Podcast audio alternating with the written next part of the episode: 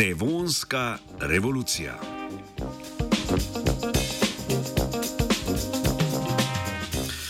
Znanstvena skupina je v članku revije BioGeosciences objavila dokaze o prvi fotosintetski aktivnosti foraminifer oziroma lukničark.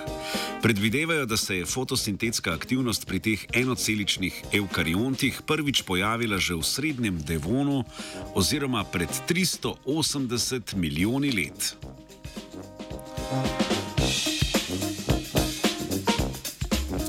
Foraminifere so ene glavnih tvorcev karbonata in so del dinamične morske skupnosti, ki gradi koralne grebene. Znanstveniki in znanstvenice so ugotovili, da se v toplih, čistih in shranili podhranjenih šelfnih plitvinah lukničarke pogosto združijo z mikroalgami, ki fotosintetizirajo. Tak organizem, ki se prehranjuje autotrofno in heterotrofno, imenujemo miksotrof. To so ugotovili tudi za 380 let stare fosile lukničarke Semitextularia. Njeno zunanje ogrodje je skoraj prozorno in mikroalge so tam našle zavetje. Svoji gostiteljici so v zameno zagotavljale energijo za metabolične procese in izboljševale njeno kalcifikacijo. Vendar odnos med mikroalgami in foraminiferami vrste Semitextularia še ni popolnoma razjasnen. Mogoče je bil to simbiotski odnos ali pa so lukničarke iz mikroalg izolirale kloroplaste.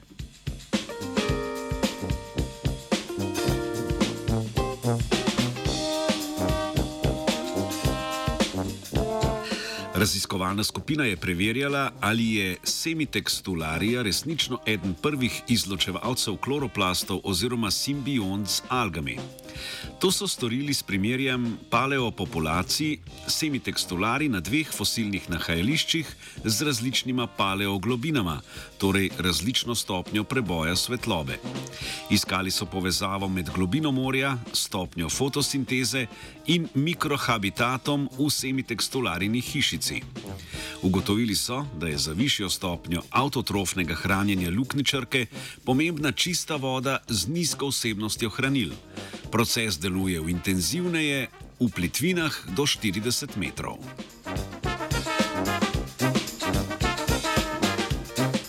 Znanstvenice in znanstveniki so povezanost teh dejavnikov preverjali z analizo stabilnih izotopov.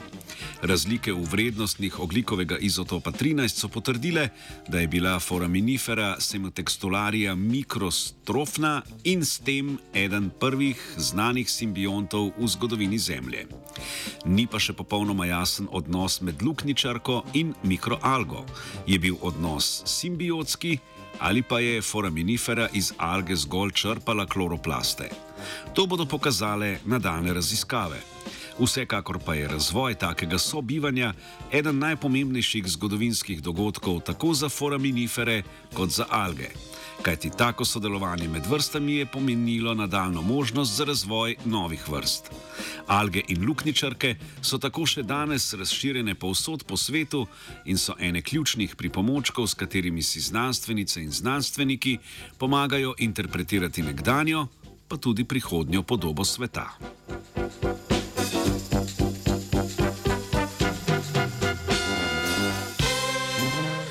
Simbiotski začetek tedna vam na globinah do 40 metrov želi leja.